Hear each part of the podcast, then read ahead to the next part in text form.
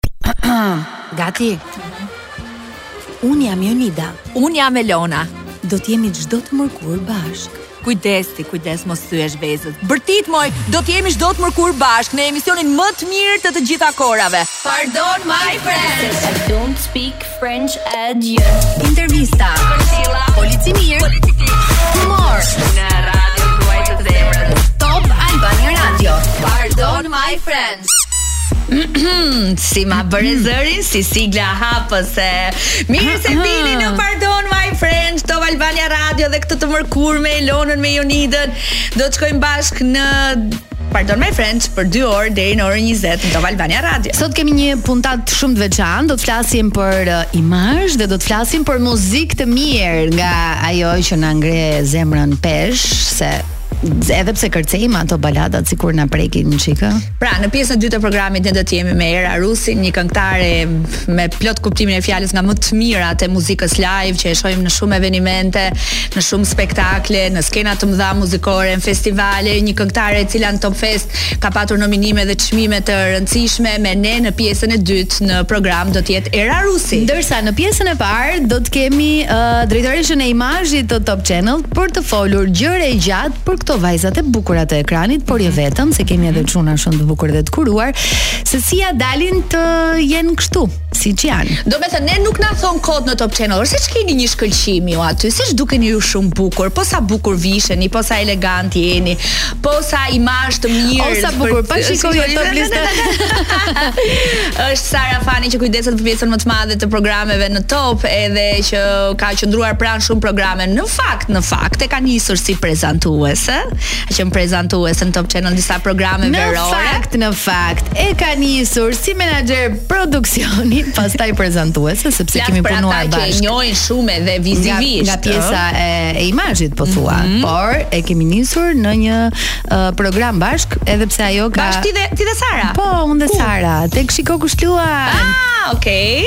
Edhe pastaj Sarën e pamë edhe të angazhuar në Pushime on Top, në një sezon ku prezantonte Ori Nebijaj dhe Flori Gjini mm -hmm. dhe tani për më tepër do ta pyesim për gjithë të rejat. Ne kemi muzikë, kemi publicitet dhe kthehemi sërish bashkë do të jemi në studio me Sara Fani. Dua të më dëgjoni me shumë vëmendje sepse kam një propozim shumë interesant për të gjithë ju që keni dëshirë të bëni pushimet perfekte, të merrni smartphone-in e fundit apo çfarëdolloj gjëje që ju dëshiron zemra, do t'ju sugjeroja Noa, Noa është aty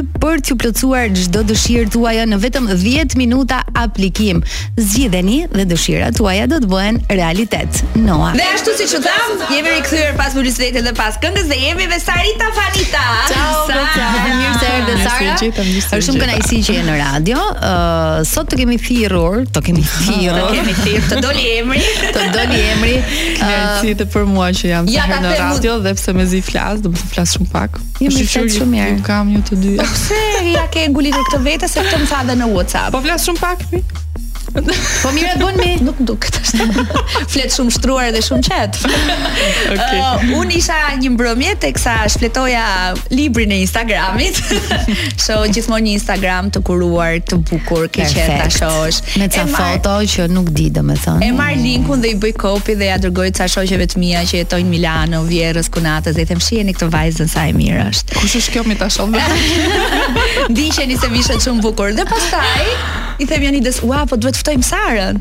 Të flasim për Instagramin, për imazhin, për kurimin e shumë prezantuesve të personazheve të njohur se ti ke punuar nga Edhe për një pranverë verë që pak a shumë me sfilatat jemi njohur se kohë më parë prezantohen për sezonin e ri, po muhabete gocash me Sarën në mes.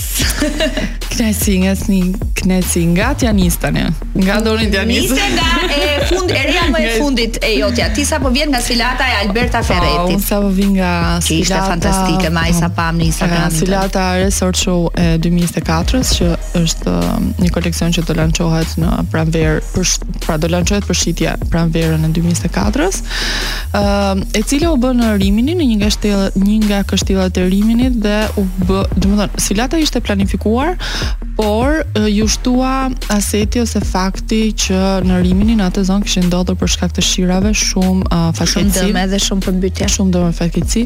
Sfilata u rimendua në rast se do mbahej apo jo.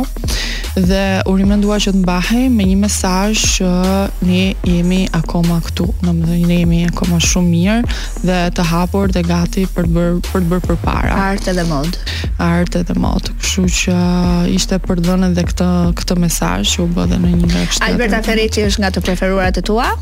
Ëh, uh, po, një ndër të preferuarat e mia them që është nga ato brende italiane shumë cilësore. Ëh, mm -hmm. uh, kur vjen puna tek koleksionet, materialet e përdorura për veshjet, ëh, uh, etj etj dhe janë dhe është shumë e ë jo shumë mainstream, jo që e shef kudo. Jo shumë pra, komerciale, jo shumë e veçantë. E shef vetëm në pak personazhe ose në pak Kush evente. Kush vishet me Alberta kjo... Ferretti në Itali për shembull shumë aktorë italianë, gjithë aktoret italiane vishen me Alberta Ferretti ë uh, dhe le të themi aktore dhe prezantuese të një far uh, niveli ose që kanë vite në treg,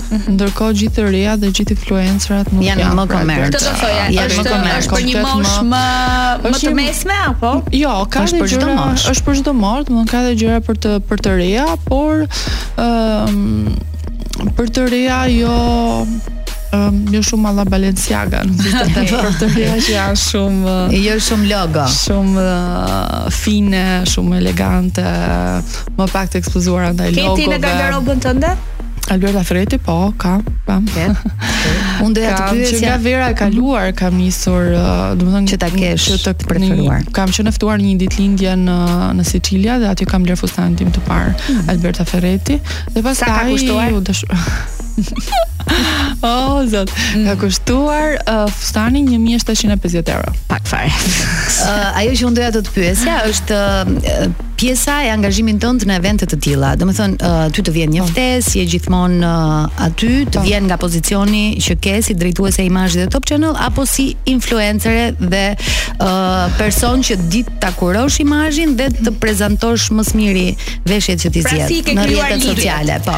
Atëherë lidhjet i kam krijuar nëpërmjet njohjeve të mia në Itali, kontakteve të mia në Itali, domethënë atë uh, zakonisht në sfilata të tilla ose je uh, klient preferencial, Mm -hmm. ose je që që harxhon shumë nuk është e thënë që të jesh domethënë i njohur, por mjafton që ke buxhet dhe ke harxhuar jashtëzakonisht shumë në çdo koleksion të këtij brendi dhe je automatikisht i ftuar ose je celebrity. Mm -hmm. Gjithë personazhet e tjera shkojnë me rekomandim, mm -hmm. siç jam edhe unë në këtë rast. Kështu që nëpërmjet po. kontakteve dhe njohjeve të mia dhanë rekomandimin që uh, Sara është ky personazh në Shqipëri, ëh, uh, uh, si drejtuese imazhi në Top Channel, influencer etj etj dhe ata e konsideruan si të arsyeshme që unë të isha pjesë Cilën... e eventeve të të tyre. Në këto angazhime të tua në javën e modës Milano, në Alberta Ferretti sapo folëm që është aktiviteti yt i fundit ku more pjesë, të kanë propozuar ndonjëherë për ty vetë modele? në fakt uh, ka ndodhur në Milano Fashion Week uh, në Max Mara, mm -hmm. uh, fashion uh, në show-un e Max Marës, pas show-t të Max Marës, uh, unë shkova në sfilatë me një veshje që të, të Max Marës, jo të atij sezoni, jo të atij koleksioni, që kisha gjendje në shtëpi për t'u prezantuar e veshur me Max Mara. Dhe pas uh, show-ut, sepse ishte koha shumë e ngjeshur, uh, shkova tek uh, butiku i Max Marës për të bërë shopping, Mm -hmm. uh, dhe bëra shumë foto dhe video ndërkohë që provoja veshje. Ë uh, dhe ia dërguan ë um, uh, zonjës që ka krijuar Max Marën uh, dhe thanë wow, kjo e reprezenton shumë mirë uh, brandin tonë. I theti 100.000 euro për për 2-3 ditë.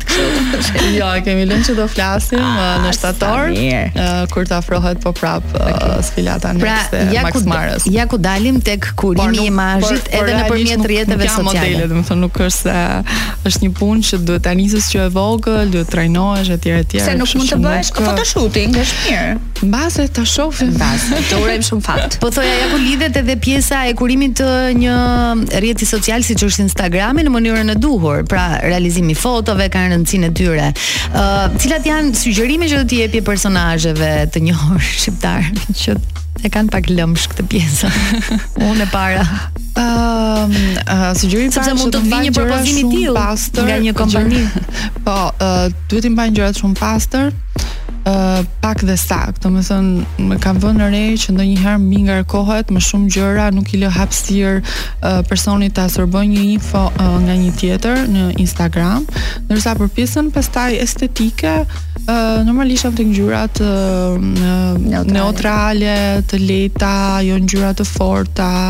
Uh, më pëlqejnë shumë fotot, uh, fotot spontane, që do të thotë kjo ka nuk Duket sikur është e thjeshtë, por në fakt është më e vështirë se sa një foto kur ti merr pozë dhe të bëjnë foto, sepse do të duhet ti... të kesh një person nga mbrapa që të bën foto, 200 foto që gjithë kohë spontane. Që ti nuk e ke mendjen. 200 foto spontane. Do të thotë Sara ti që blunë time e urren sot. Jo, jo, jo.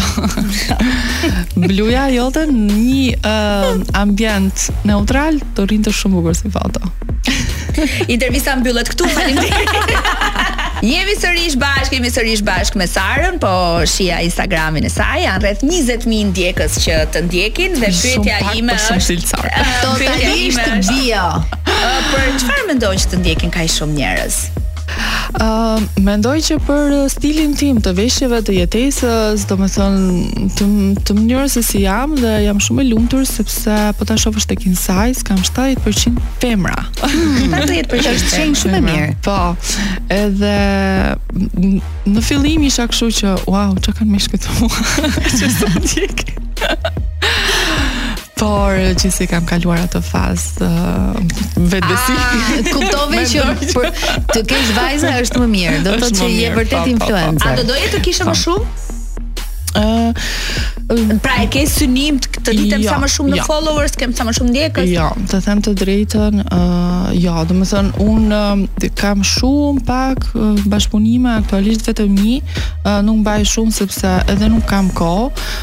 uh, sepse jam angazhuar në një punë uh, tjetër ku duhet të jem uh, gjatë gjithë kohës. Full time. Uh, plus që mm, nuk tregu në Shqipëri, tregu influencerëve në Shqipëri është uh, kaotik. Kaotik, është rregulluar shumë, kështu që nderisa të ketë një rregullator në si, në tregun tonë të influencerëve, unë nuk kam ndërmend ta. Derisa vazhdoj profesionalisht këtë si si profesion. Derisa të kuptojnë që followersat janë uh, komplet rastësor aty, janë të ndjekin se i pëlqen mënyra jote. Ja, Këto një mijë të fundit janë të mitë. Po, po thoja derisa influencerët të kuptojnë që në mëngjes nuk hidhet një krem dhe në darkë të hedhësh një krem tjetër, kështu po, që mbajeni një çik veten se uh, Sara refuzon njerëz që të ndjekin, pra e ke butonin e decline-it në dorë apo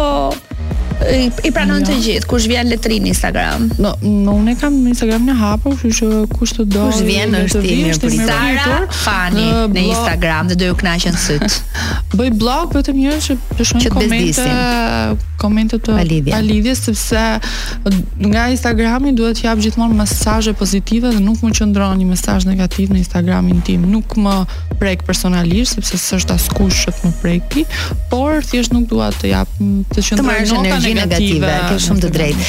Ë uh, ne përpara se të vinim në studio të treja, bëmë prezantimin e të ftuarave që do të kishim sot dhe prekëm pak faktin e moderimit tënd. Pra të kemi parë si moderatore, ke pasur edhe angazhime të tjera edhe në postproduksion programeve të ndryshme televizive në Top Channel. Kemi qenë bashkë. Po, kemi qenë bashkë edhe Ëh, do doja të të pyesja nëse e ke edhe moderimin si një një pjesë të rëndësishme të pjesës të të profesionit tënd apo të asaj që mendon për të ardhmen tënde apo je më mirë në backstage, je më mirë kur kuron imazhin, je më mirë kur nuk ke këtë përgjegjshmërinë e ekranit. Jam shumë e mirë në backstage. Mhm. Kështu që jam shumë e mirë në backstage. I ka, e kam provuar eksperiencën në backstage, e kam provuar eksperiencën e moderimit dhe më moderimi më ka stresuar Ëm, um, qoftë për faktin që un jam shumë ndoshta e qetë, uh, flas shumë pak, uh, nuk dua të flas shumë, nuk jam lafologe dhe nuk më vjen natyrshëm dhe nuk e kam me dëshirë ta bëj të sforcuar, mm -hmm. kështu që uh, mendoj që moderimi do njerëz që e mbajnë gjallë gjatë gjithë kohës uh, tek Pushime on Minutazh. Top, tek Pushime on Top, uh, ka qenë një episod, ishte periudha kur un uh, bëja me Islin S'e kam me ty dhe komentonim videot që ishin nëpër programe të tjera televizive. Jeni Nuk tallur me tash- mua. Jo me ty, me Xhaxhin. me Xhaxhin ka qenë një ndër videot më të bukura O, bë, dhe bravo, më bë, bravo. gazmore që un kam Kujtoni. dëgjuar ndonjëherë. E sheh aty i thoshte Xhaxhi Sarës,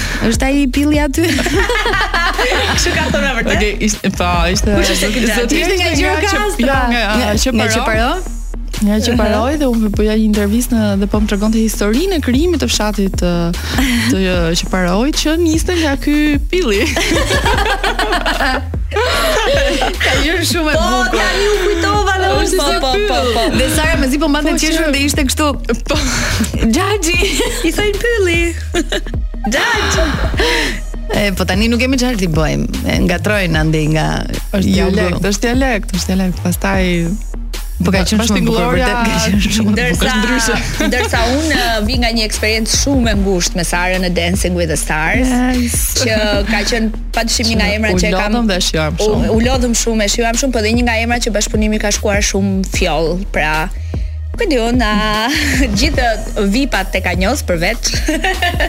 Sara ishte gjithmonë duke i ndihmuar, duke u qëndruar pranë edhe duke na qetësuar në çdo moment të, tonin, shumë po, stresues po, sepse ishim në fushë ishin këta me Sara. Ishin, ishin, ishin, ishin um, ishte futur shumë edhe shpirti i garës, konkurrenca në mes dhe çdo detaj, detaj më të vogël e, e e transmetonin sikur uh, diçka po bëhej uh, me me me hile ose oh, diçka po dikush po përpiqej më shumë se sa asnjëri nuk ishte kështu te kitizi dikush i jepet më shumë kohë se sa unë domethënë askush nuk ishte uh, te kitizi si askush ne gjithë stafi gjithë stafi po Hello. Fali.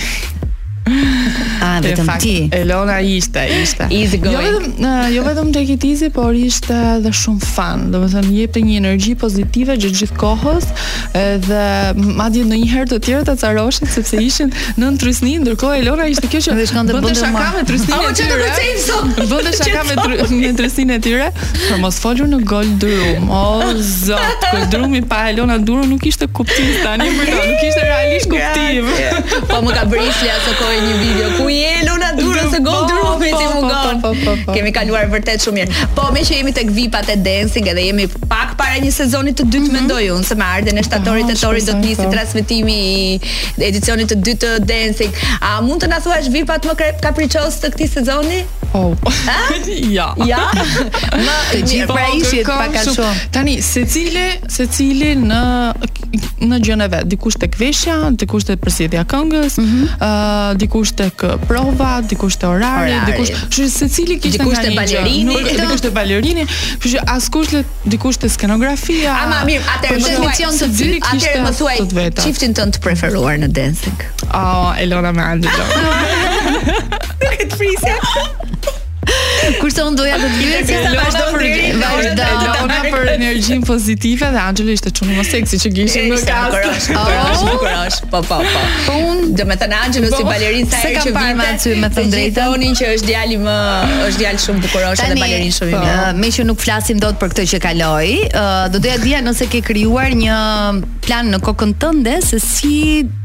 uh, i ke menduar të shfaqen uh, VIP-at e këtij edicioni. Domethënë i ke bërë, i ke strukturuar veshjet, i ke strukturuar pjesën se si do do t'i kurosh apo kjo e gjitha do të varet në Kjo varet shumë nga personazhet. Ë uh, jo sepse secili personazh ka përveç se problemet e veta në Domethënë nuk je nuk je nga këto ë uh, le të thuash kuruesit e imazhit që do veshësh këtë që them unë dhe pikë. Jo, do përshtatesh me personazhin, shumë e rëndësishme që personazhi të ndihet shumë mirë para punës. Dhe pastaj t'i përshtatësh diçka në një rrugë të mesme, se çfarë i shkon për shtat, çfarë ka qejf dhe çfarë mendoj unë se është më mirë. Dhe çfarë duhet për ekran. Kjo është po. pjesa më e vështirë e punës sime, që të bëj të tre elementët bashkë, se të ishte aq e aq e thjeshtë do vishësh këtë dhe pikë do isha bërë armik me gjithë. Në finalen e Big Brother ti i veshe finalistët?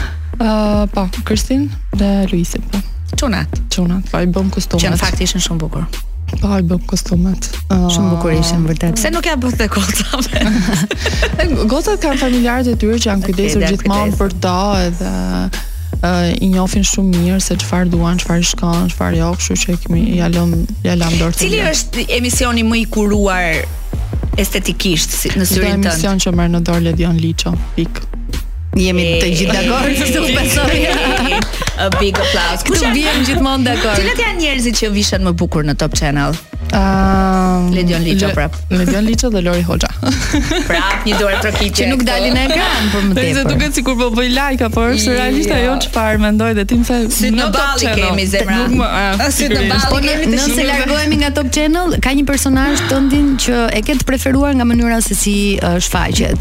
domethënë stili, gjithçka tjetër dhe kur, kurimi që ka për, për imazhin.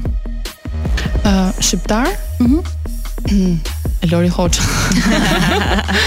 domethënë, jo, realisht, uh, jo sepse është për rajon, por që mendoj që mm, ka një stil të pagabueshëm të pagabueshëm. Në po, çdo dalje të saj. Influencer ndërkombëtar kë ndjek me qejf edhe me dëshirë. Ëh, ndjek shumë që më pëlqejnë është Leoni, uh, Emily nga Danimarka, nuk është shumë e njohur Emily Sindlef, po më më, më pëlqen jashtëzakonisht shumë. Ëm um, Ariel nga Parisi, për mendoj Emily dhe Ariel janë uh, dy influenceret e mia uh, preferuara. Të preferuara. Leoni vetëm kur bën uh, këto daljet spektakolare në evente uh, evente specifike, jo në përditshmëri. Ajo ka qenë modele apo apo është ende modele dhe tani jo, është më shumë influencer, ka qenë, tani është më shumë influencer. Kemi ndonjë plan në uh, afatgjatë ose afatshkurtër në jetën tënde? që mund të jetë projekt uh, televiziv apo a televiziv ose personal, personal apo Dani goca më shumë. Po i bëjmë pyetje kështu si me jo, lezet, po që në televiziv, televiziv jo do vazhdoj me projektin tim si mm, përgjegjëse imazhi në Top Channel. Mhm. Edhe shpresoj sa më gjatë dhe sa më mirë në mënyrë që t'i ndihmoj të gjithë personazhet, sepse detyra ime këtu është t'i ndihmoj jo t'i kritikoj apo t'i detyroj të ndryshojnë diçka.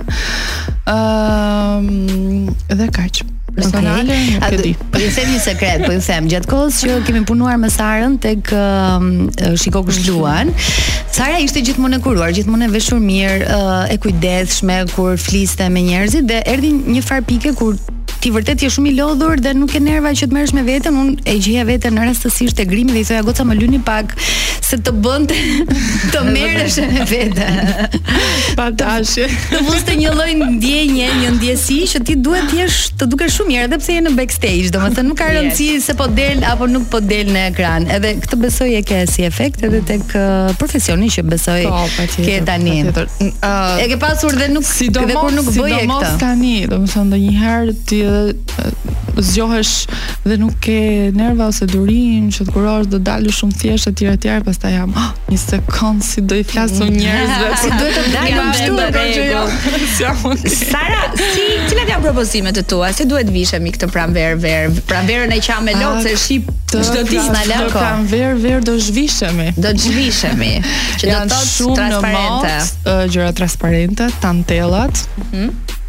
Uh, nipple free. nipple free. No. Kështu që po. Ti po, këto ja. Ti dhe mund ti. Mund ja, të... unë vërtet dukem kështu si Teuta, jam e ngrirë, por... por nuk jam. jo, i kisha fjalën te masia. Gjithsesi, dhe me underwear nude ose me underwear me ngjyra uh, pastel, është në modë që të duken dhe underwear. të brendshme, okay. është në modë që mund të duken. Kështu që kjo ky është trendi i kësaj. Ver, po, mëndafshet transparente. Transparente, okay. Mëndafshet transparente janë kryefjala e po këtij sezoni bluja, jeshilja, po. ciklamini, Valentino, është ashtu. Kemi uh, kemi ngjyrat uh, ngjyrat e pastra, ngjyrat uh, monokroms, ngjyrat uh, e tokës, si ngjyra kamel, uh, e kafta, bezha, e bardha kemi dhe monokrom duke nisur edhe edhe e zeza po gria do po dominon domethënë gria po kthehet si e zeza e re le të themi mm, nice the new black uh, the new black po uh, Sara unë kam menduar kemi po? dhe xixat që shkojnë pa po, xixat që kemi që shkojnë shumë me xhinsat domethënë veshja jeans me një top um, me xixa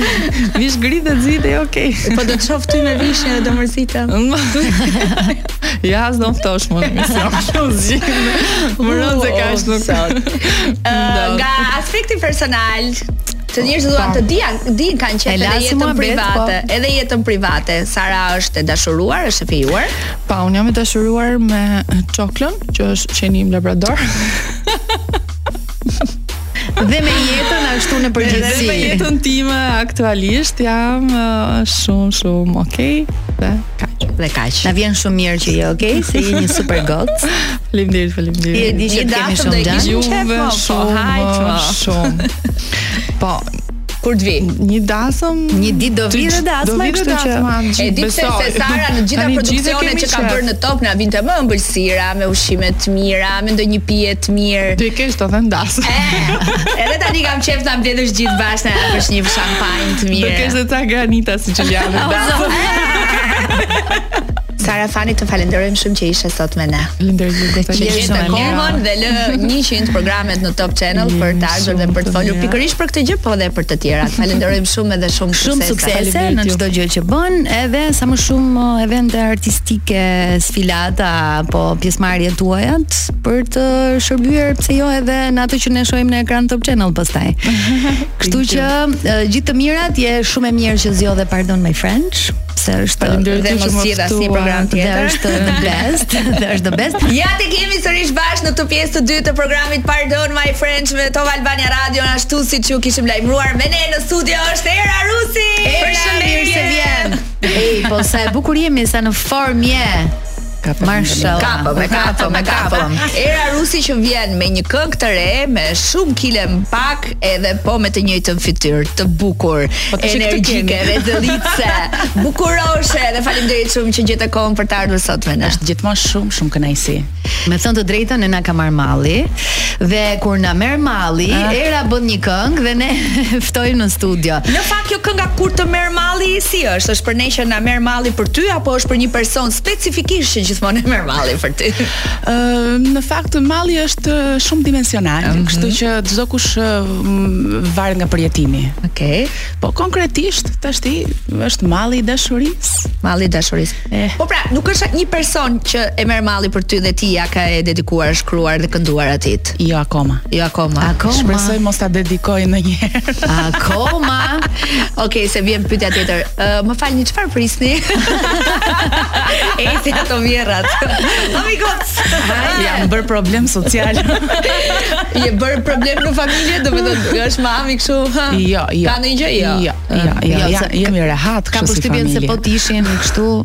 Do isha martuar. Pak, pak më e stresuar. jo, më më kanë lënë rehat për sa i përket. Kanë stopuar së thëni apo s'kanë jo, thënë ndonjëherë? Jo, nuk kanë thënë kurrë babi. Okay. Babi madje e thotë nganjëherë ç'e do burrin ti. Je rehat kështu. Me punën, me punën, lart të po shumë e zën me koncerte. Meqë ra fjala si është agjenda jote?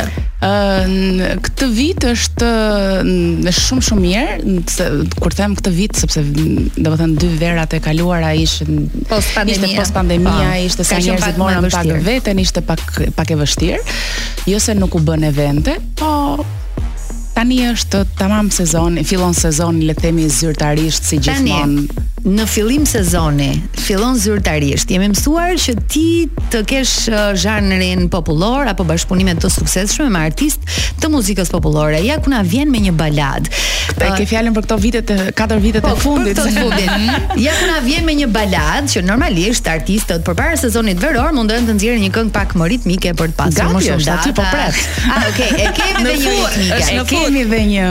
Uh, do më shihni shumë shpesh në këtë emision këtë verë. Je e mirëpritur sa herë të kesh dëshirë për të promovuar uh, projektet e tua. Megjithatë dua të di pse uh, rikthehesh me një baladë. Domethënë ti në fakt je artiste baladash. E, po. Por ke zgjedhur ta bësh këtë në skena të mëdha, si ato të festivaleve. Në fakt e kam menduar gjithmonë që skenat e festivaleve uh, kanë një tjetër lit, uh, le të themi madhështi dhe duan këngë më të më të mirë menduara uh, artistikisht, mm -hmm. kurse uh, kësaj here vendosa bashkë me ekipin dhe bashkë me uh, kompozitorin e këngës Edi Balilin, të cilin mm -hmm. dua ta falenderoj sepse uh, është një është një perlë kjo balada, domethënë. Dhe mendova që nuk ose më saktë nuk doja ta lija më në sirtar Doja që ta ndaja me publikun. Domethënë ka kohë që është si demo. Ka kohë që është si mhm. demo, po. Dhe mhm. po më thuaj. Jo, jo, jo, vazhdo. në fakt ke, ne kemi gati që në dhjetor, janar, diçka e tillë që mhm. e mendojmë si projekt dhe ishte e bëmë demon, e, e dëgjuam, Varianti i parë ka qenë shumë unplugged dhe mua mua personalisht më pëlqente shumë ashtu dhe isha gati që vetëm doja ta ta ndaja ta nxirrja këtë gjë. Mhm. Ndërkohë që Edi ishte në, në kishte këtë mendimin tjetër, domethënë ta sillte në një formë pak më madhështore. Qartë. Dhe kisha besim ke ai, kështu që u bë siç deshte ai. Tek teksti ke ndërhyrë ndopak? Fare. Fare, se Fare. nuk është uh, histori personale dashurie. Ah, okay. Jo, tekstin e ka bërë Edi Balili vetë, kështu që ajo ishte më pëlqeu shumë që nga fillimi deri në fund dhe nuk është se nuk kishte ndonjë gjë që që mund të ndryshoje. Po. Shiko, duke qenë se jemi tek kënga, unë i ftoj të gjithë në radio, po edhe ata që do na rishohin në YouTube kur ky program të ritransmetohet, të dëgjojmë Kur të merr malli, është Era Rusi.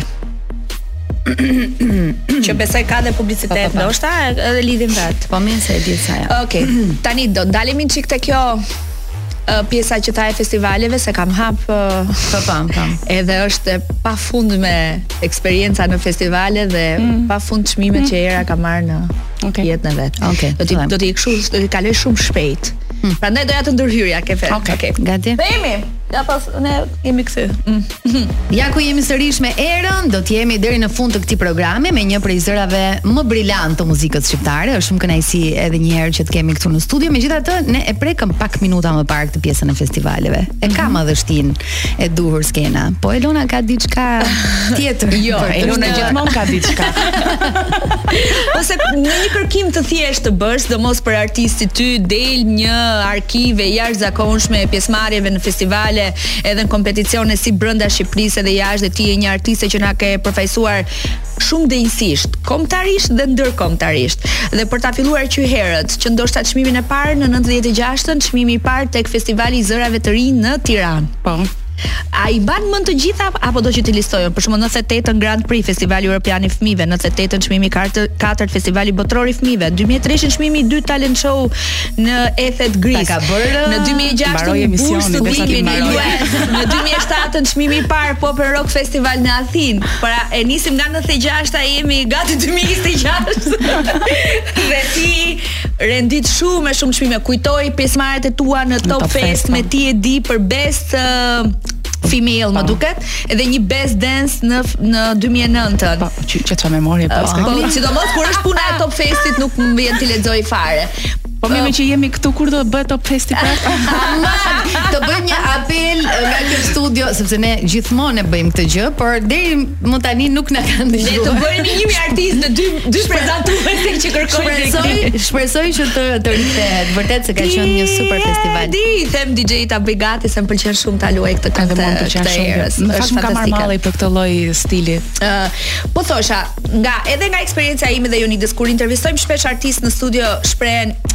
Uh, shiko, jam ndarë me festivalet, jam mërzitur me festivalet, nuk kam marrë asnjëherë atë që kam dashur. Jam i zhgënjyer, jam i mërzitur. Të gjitha këto qëndrojnë. Ëh. Mm -hmm. Uh, po kur vjen uh, koha e festivalit i harrojmë. Okej. Ka tjetër adrenalin besoj. Ëh, uh, në vendin tonë nuk është se kemi shumë mundësira për të për t'u shfaqur në në skena të mëdha. Ëh, uh, kështu që dëshira është shumë e madhe dhe prandaj gjithmonë i harrojmë këto këto pakënaqësi backstage-et e, e çdo festivali. Por uh, unë mendoj që në fund fare ajo që që mbetet është gjithmonë një këngë e bukur dhe prandaj gjithmonë jam munduar që të të risjell në festival diçka të bukur ose një këngë që er, që përfaqëson Erën, jo një këngë që i duhet le të themi tregut. Mhm. Mm Ëm, uh, edhe pse kam bërë nëpër festivale dhe këngë komerciale, po prap dhe ato kanë qenë cilësore komerciale dhe prap i kanë rezistuar kohës, siç është gjuju për shembull mm -hmm. në Këngë Magjike. Po. Ideja është që të bësh këngë të cilat do të mbahen mend gjatë dhe do të këndohen jam munduar të bëj këtë. Dhe ke bërë shumë mirë. Pra pjesëmarrja jote në festivale lidhet vetëm me pjesën e shfaqjes artistikisht kompletuar për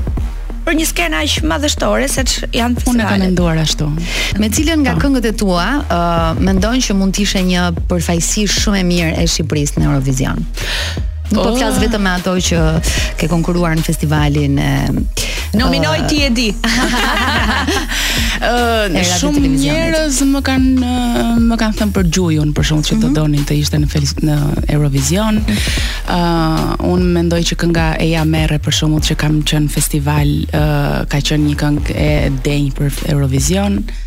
Ëm uh, ka pas shumë këngë të bukura tash që e mendoj. Për shembull ka patur në Top Fest 6 mm -hmm. para vetes po me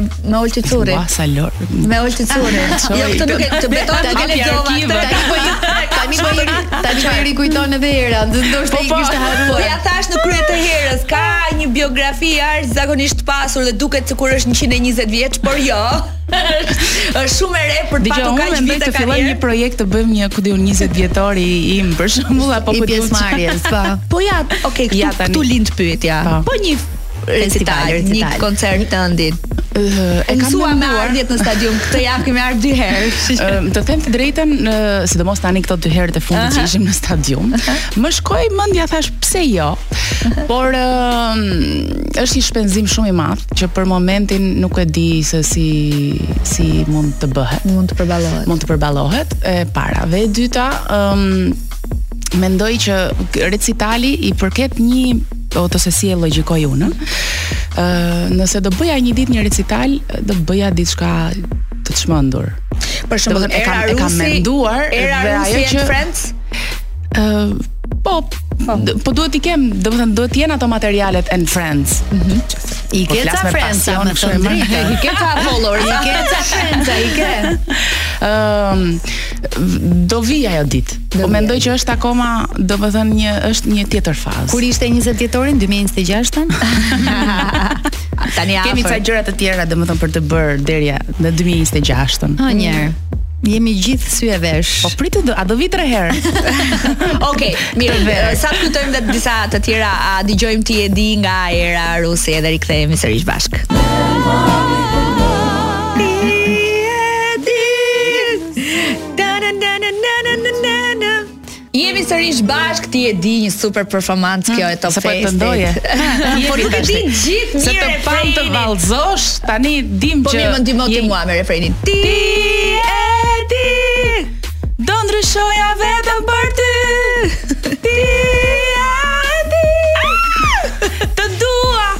Sa të dua! Dhe meqë ra fjala Plasi ah. dashuria këtu Plasi te çokollata Dhe meqë ra fjala A do ndryshoje ti vërtet për një person Në qoftë se e do Unë mendoj që apo ai që të do. Me vetëdije apo pa vetëdije të zgjedh kështu si të gjithë ndryshojmë nga pak ose po Era duke pa duke bëmi zemra. Hahet. Po kështu jo jo të ndryshosh për atë se kështu jo jo themi neve po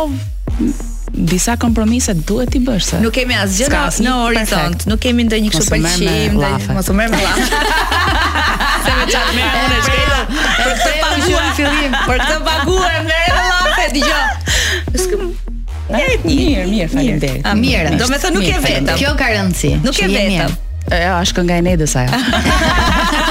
e poshtër. Ça shtrige. uh, shumë emra, sidomos vitet e fundit në bashkëpunim. Uh, domethënë ti ke patur këngë së fundmi me uh, Ylli Baka, Remzi Osmanin, po, po edhe Anxhela Peristeri që të kanë ndihmuar në tekste edhe në klipe. Anxhela po ka bërë uh, një muzikën edhe tekstin. Tekstin e e këngës më dhem dashnia. Më dhem dashnia pa. me Olti Currin e përmenda, me Fifin. Po, Fifi uh, ka bërë këngën mos më merr. Mos më merr. Sa e bukur është, shumë e bukur ajo. Zgjedh të vish shumë në bashkëpunime apo janë thjesht Me Fatmira Breçanin, mos ta harroj se. Këtë do thoja për Dadën me Me Dadën moj. Po këtë do thoja, domethënë shumë emra të njohur dhe shumë emra të shpërndarë në gjini të ndryshme muzikore. Muzikore. Po tash kur i bëjmë të gjitha çfarë si, ka? Si ndodh? Si ndodh? Vin nga një miqësi e mirë, nga një shoqëri e mirë apo ti zgjohesh dhe kur mendon një projekt ti thua këtë do ia besoj Jonides apo këtë e lë. Apo do të jesh veri Shqipëri e mesme, jug dhe everywhere, domethënë. Domethënë ke hallin e dasmave. si është puna? Ë, uh, jo, kam hallin thjesht të bëj një këngë të bukur. Si, okay. Kjo këtu fillon, domethënë ideja. Mm -hmm. Pastaj në fillim fare, domethënë Telat e zemrës me Remzien janë bërë krejt në në mënyrë spontane. Ëh, uh, kënga Dasma ime me Yllin uh, është me të cilin kam dhe një super bashkëpunim mm -hmm. uh, dhe dua ta falenderoj publikisht sepse ai më ka ndihmuar shumë, domethënë ëh uh, le të për t'u prezantuar në, në jashtë trojeve të Shqipërisë, mm -hmm. në në koncerte domethënë tona, në diasporë. Në diasporë. Dhe pastaj me Dadën është një tjetër gjë sepse ajo uh, që kur e dëgjoi këngën në fillim fare, që pa e dëgjuar fare këngën tha po domethënë. Ëm um, të gjitha bashkëpunimet kanë qenë uh, për të prekur pak nga të gjitha trevat shqiptare sepse mund t'i bëj të gjitha. Okej. Okay. Kështu që do doja doja që dhe njerëzit ta ta kuptonin që Era i bën të gjitha. Me thënë të drejtën e kemi kuptuar, uh, sepse kemi kuptuar gjithashtu që bën dhe rock shumë të mirë. Po, ajo është aty është fillesa, aty është ajo është dashuria e parë. A, a këndon më në koncerte? Rock, uh, domethënë a të a ta kërkon publiku që t'i rikthehesh kësaj dashurisë tënde të parë? Mm, do doja shumë. më ka marrë shumë malli, të them të drejtën, po janë disa evente specifike të cilat e kërkojnë atë gjë tashmë. Domethënë uh, kur nis, jo se nuk i këndoj më, i këndoj kështu i ngacmoj me nga, nga pak. Ë uh, reagojnë, por pastaj duan sërish atë Era si si e përjetove ti humbjen e Tina Turner, mbretëreshës së rockut edhe kam qarë. Do doja që të domethënë Nisa të shkruaja diçka në rrjetet e mia sociale dhe përfundova mos shkruaj asgjë. Edhe mua e njëjta gjë më ndodhi. Sepse, domethënë, fillova të shkruaja dhe më dilte një roman. Edhe pastaj e lashë fare se u ngarkova shumë. Ikonë, legjendë. Dëgjo, për mua Tina Turner është ë një nga artistët ose më saktë është artistja më e madhe ever. Mm. Ë ka, ka qenë dhe është frymëzim i imi që në kohët e hershme që që në fillimet e mia. Ëh, uh, kënga e saj Simply the Best është një ogur shumë i mirë për mua që unë të gjitha koncertet e mia uh, i nis gjithmonë me atë mm -hmm. për të më vajt mbarë më jep një lloj energjie ajo këngë. Ëm um, kam një peng që nuk arrita dot ta shikoja kurrë në live në skenë. Sa do të kam dashur po, ndonjë. Kam dashur shumë ta shoh. Por uh, kur u rrita unë për të dhe u bëra ajo për ta për të shkuar muzika. për ta parë, ajo u tërhoq dhe pastaj ishte vetëm nëpër këto eventet uh, e bamirësisë mm -hmm. që që krijoheshin.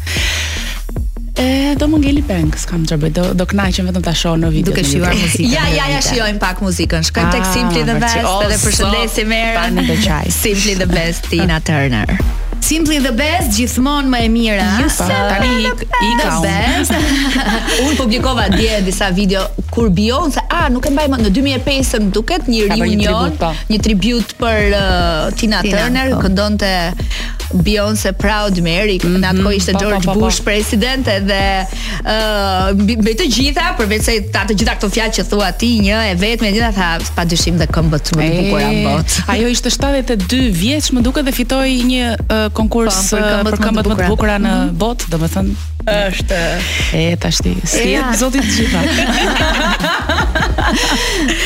Ëh, meqë s'ti jep Zoti të gjitha, ëh, çfarë nuk të ka dhënë ty ende?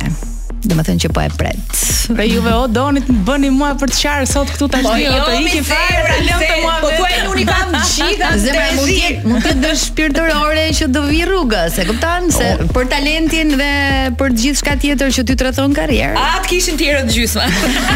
Siç tha Jonita. Të gjitha unë e kam thënë në unë në të gjitha për një vajzë si unë ë mendoj që është familja, kështu që në momentin që unë do krijoj familjen time dhe do kem ë kur të dojë i madhi Zot një fëmijë, atëherë do them që po i kam të gjitha. Okej, okay, sa bukur. Për momentin Ndihem akoma kështu si e paplotësuar. Je, mjafton ta ta kërkosh dhe ta thuash se universi ta sjell. Po sille, sille, sille. Era Rusi, nga skenat muzikore shqiptare ku ti ke prekur shumë apo programe të ndryshme televizive, se ku ka mhm. programe live dhe ku realizohen programe me artistë të mirë, Era Rusi është e para, që nuk e mendon dy herë për të qenë e pranishme.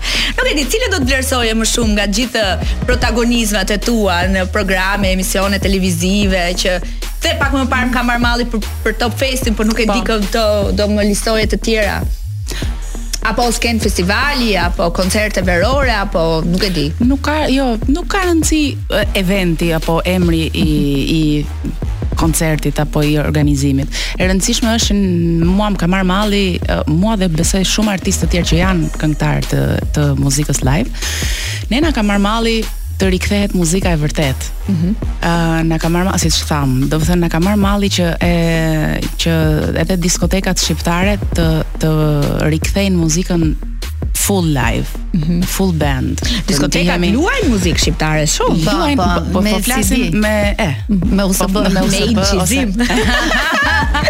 Domethënë ideja është që dikur dhe jo shumë vite më përpara, ë kishim shumë lokale ose më saktë më shumë lokale. Po, po na me qenë me live. Të cilat uh, bënin muzikë live, të kisha kishe një band, të kishe... Po mirë, më fal, a mos ndoshta nuk ju intereson juve tani të jeni në fundjava live, se ti në fundjava më shumë të intereson të jesh në një dasëm, se sa në një lokal nate ku mund të paguhesh shumë pak personalisht nuk e, kjo nuk është çështje pagesash. Kjo është çështje satisfaksioni energjie profesional. Domethënë do nëse do ishte një ambient siç kam pas një ambient dë, kur vërtet publiku dashuronte atë gjënë që shikonte domethënë për shembull muzikën pop rock që unë bëja në atë kohë mm -hmm. uh, natyrisht nuk isha nuk ka që nëse mund ta them e njohur apo mund, mund të më njihnin më shumë të brenda për brenda Tiranës ose ata që vinin atje mm -hmm. uh, nuk kisha koncertet që kam sot nuk kisha të ardhurat që kam sot por kisha një shpirt shumë më plot se sa sot. E kuptoj. Ah, sa e bukur. Ej, e ke zgjedh sot, do na emocionosh. Unë nuk e kam parë Erën, domethënë në shumë intervista kaq të kaq të qetë, kaq të shtruar dhe kaq të sinqert. Jo se s'kan qenë të tjera, wow. po kanë qenë më. Shikoj, kemi qenë më kështu më impulsive. Po jemi ju, sikur kemi që më bëni të ndihem rehat. Më thuaj, a mund t'i kërkoj Erës një top 5 këngëtarët që vlerëson më shumë të live-it meqë ishim këtu? Pesë emra më të rëndësishëm. Jo, nuk do të them pesë emra, po të nuk dua t'i rendis sepse mhm. ka shumë prej tyre do ketë keqkuptime dhe shumë prej tyre i kam mikesha vërtet por ka shumë këngëtare që unë vlerësoj sepse neve vërtet mendojmë se kemi këngëtar shumë këngëtarë në Shqipëri, madje nganjëherë mendoj që më shumë jemi këngëtarë se sa popull. Çfarë do bësh kur të rritesh këngëtare? Këngëtare. Ke një po. çik zë për jo, muzikë ose po. vesh? Po çfarë do? Po kam trupin e mirë. Kam trupin e mirë mund të bëj një klip. Dëgjo. Në për sa i përket se po devijojmë pak, po për sa i përket kësaj unë gjithmonë kam menduar që rinia më mirë të mendojë se mund të bëjë muzikë apo le ta provoj. Okej. Okay. Se sa të rrijë rrugëve dhe kafeve. Kafeve. Kështu që domethënë gjithmonë diçka do dalë më mirë se sa ajo që që po shohim. Po t'i rikthehemi këngëtarëve unë mendoj që uh, ato këngëtaret e, e mira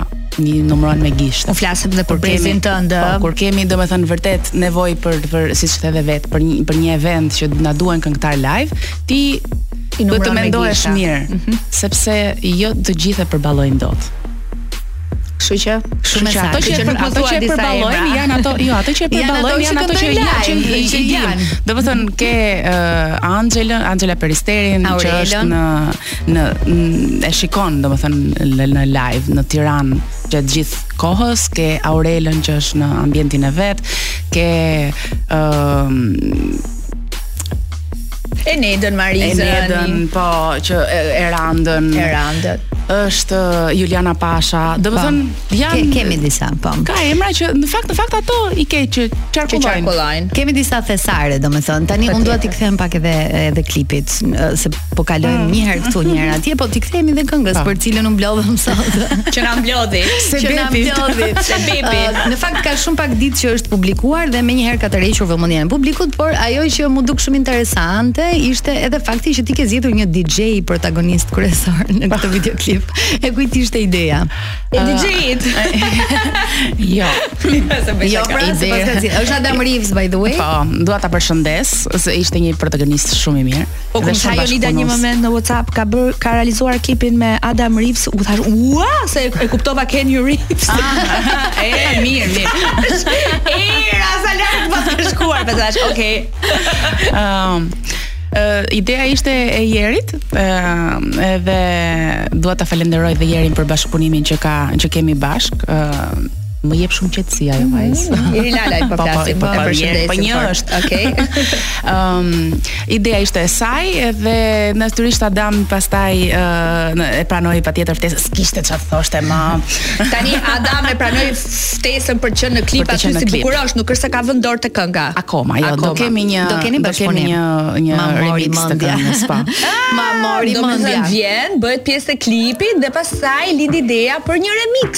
Dhe kjo kënga pastaj luhet në klabe. Nuk është thjesht më një baladë që mund ta shijoni gjatë rrugës që shkoni në bregdet, për shembull.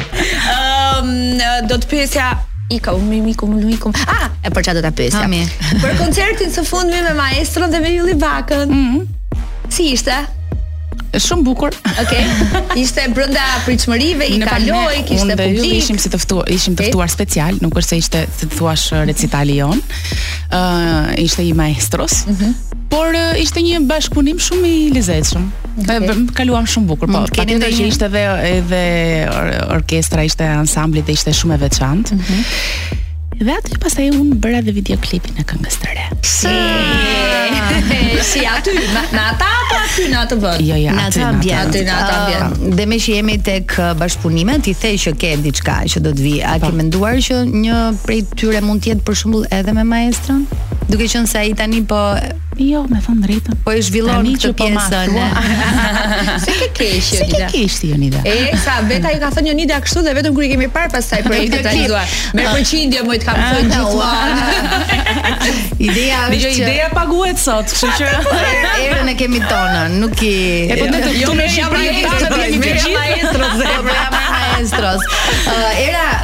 Me që jemi tek uh, kjo pjesa se un e kam nisur ditën sot me që jemi këtu me që jemi atje. Uh, maestro doli nga një edicion shumë i ndjekur uh, i një reality.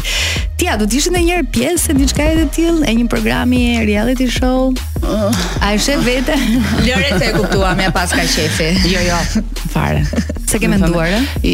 Më është bërë oferta, po me thënë të drejtën nuk jam shumë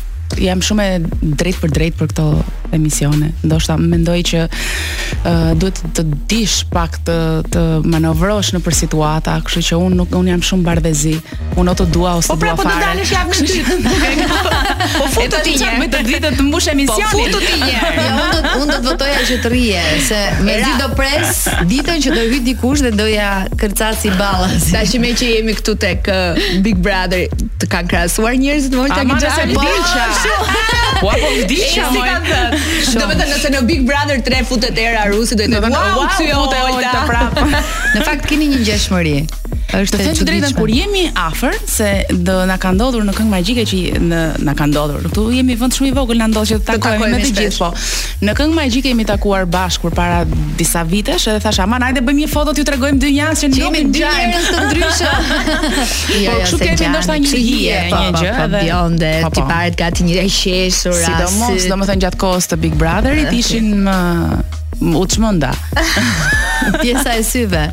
Në mes syve buzëqeshja. Do të thotë ti ke marr edhe ti ke marr shumë followers për duke Jo, me thënë të drejtën nuk si më thënë nuk u, nuk ndërhyra fare në atë me rrjetet sociale si e. Domethënë është Era një ndër personazhet që merret edhe mund të ketë një benefit edhe nga këto apo nuk je?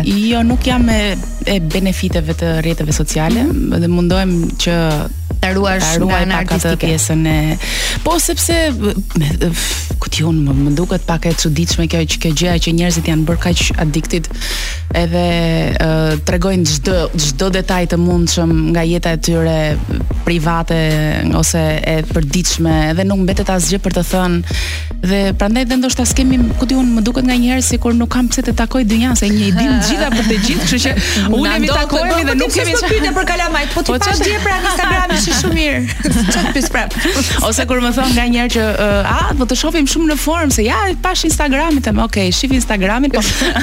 Në fakt ajo është një një një mënyrë një mënyrë komunikimi, po po është shumë fallco. Domethënë nuk shumë shumë rrallë shoh njerëz që tregojnë momente reale nga jeta e tyre. Mm -hmm. Treg ne të gjithë aty tregojmë vetëm momentet tona më të lumtura dhe uh, sa vetëm momentet kur jemi në super form ose edhe kur s'jemi në form kapim në një cep aty do fotot kështu selfie shumë nga lart që dukemi që ose i çit Erotik Fejsa. Si është vera për ty e ngjeshur me koncerte, me dasma, me live, me projekte, me filma, me teatro, ku di un? Ë, uh, akoma nuk kemi hyrë në në këtë rrugëtimin e filmave, por uh, edhe pse do doja, më pëlqen shumë si them që do të të shkonte. E di që më shkon sepse ë uh, edhe e kam provuar, po në kur isha kur jetoja në studioja në Athinë. Ëm um, mendoj që për momentin do shijoj këtë verën full time që kam me fully booked me dasmat me okay. ditëlindjet me diskotekat e verore dhe të gjitha çfarë mban vera. Edhe dy projekte të tjera që do vijnë përveç kësaj që që jemi mbledhur sot. Mm -hmm. Shumë mirë, do vish prapë për promovim tek ne? Po do vi pse çfarë? Sigurisht, je e mirëpritur. Ëh, dhe pastaj nga shtatori e tutje do shohim gjëra të tjera. Pra këtë verë ka shumë dasma, po jo një dasëm e jotja. Akoma jo. Akoma jo. Vazhdojmë. Ta uroj së shpejti. Vazhdojmë. Jemi në fund. Ecë më gjeti. Zhdesha që erdha. Ju e doni tani të jepni në një qokë, keni bërë gati zarfin e shpëtimit se kur të përpara se të ndahemi, nëse do mundje të na tregoje ndonjë episod që ti e kujton nga të gjitha këto eksperiencat që sapo përmende, ndonjë uh, episod që ndoshta të ka emocionuar ose të ka bërë shumë përshtypje në eventet që ke qenë pjesë. Se njerëzit të kanë pasur pjesë të, të ditëve të tyre më të bukura, kështu që vjet kam pasur një dasëm shumë të çuditshme. të kur them të çuditshme, do të thotë ndryshe nga nga ato që neve jemi mësuar, ato tradicionale tona në Shqipëri. Ëh, mm -hmm. uh, një nuse ishte me fustan të zi. Oh, po. Dhe e pyes. në fakt ajo ka qenë një dasëm shumë shumë e bukur, sepse në dhëndri ishte anglez dhe nusja ishte uh, shqiptare dhe aty ishte një 50 me 50. e ata ishin, domethënë, kishin ardhë shumë haj që kur, që kur nisi dasma. Domethënë, nuk e kënduat këngën e kryqit, se ata nuk e këndua. jo, jo, nuk e. dhe kur e pyeta nusen, i thash, më fal i thash, se është pak e çuditshme, domethënë, për këtë, pa. Po. për Shqipërinë tonë, që një nuse të vesh një fustan të zi për, për dasëm, dhe tha, po tha, shumë e thjeshtë, do më shohë, tha, me fustan të zi, tha, dhe Kur më pyeti burri tha pse do veshësh fustan të zi, i thash sepse ti kështu do kuptosh që që sot e tutje do të nxihet jeta. Sa i lezetshëm. Dhe ai tha po, dhe ai tha po. Shkret. Pranoi që t'i nxihet jeta sistematikisht nga ajo ditë dhe ja pra çfarë bën dashuria. Një kontratë që i firmos me dorën tënde. Eril, faleminderit shumë shumë dhe u kënaq.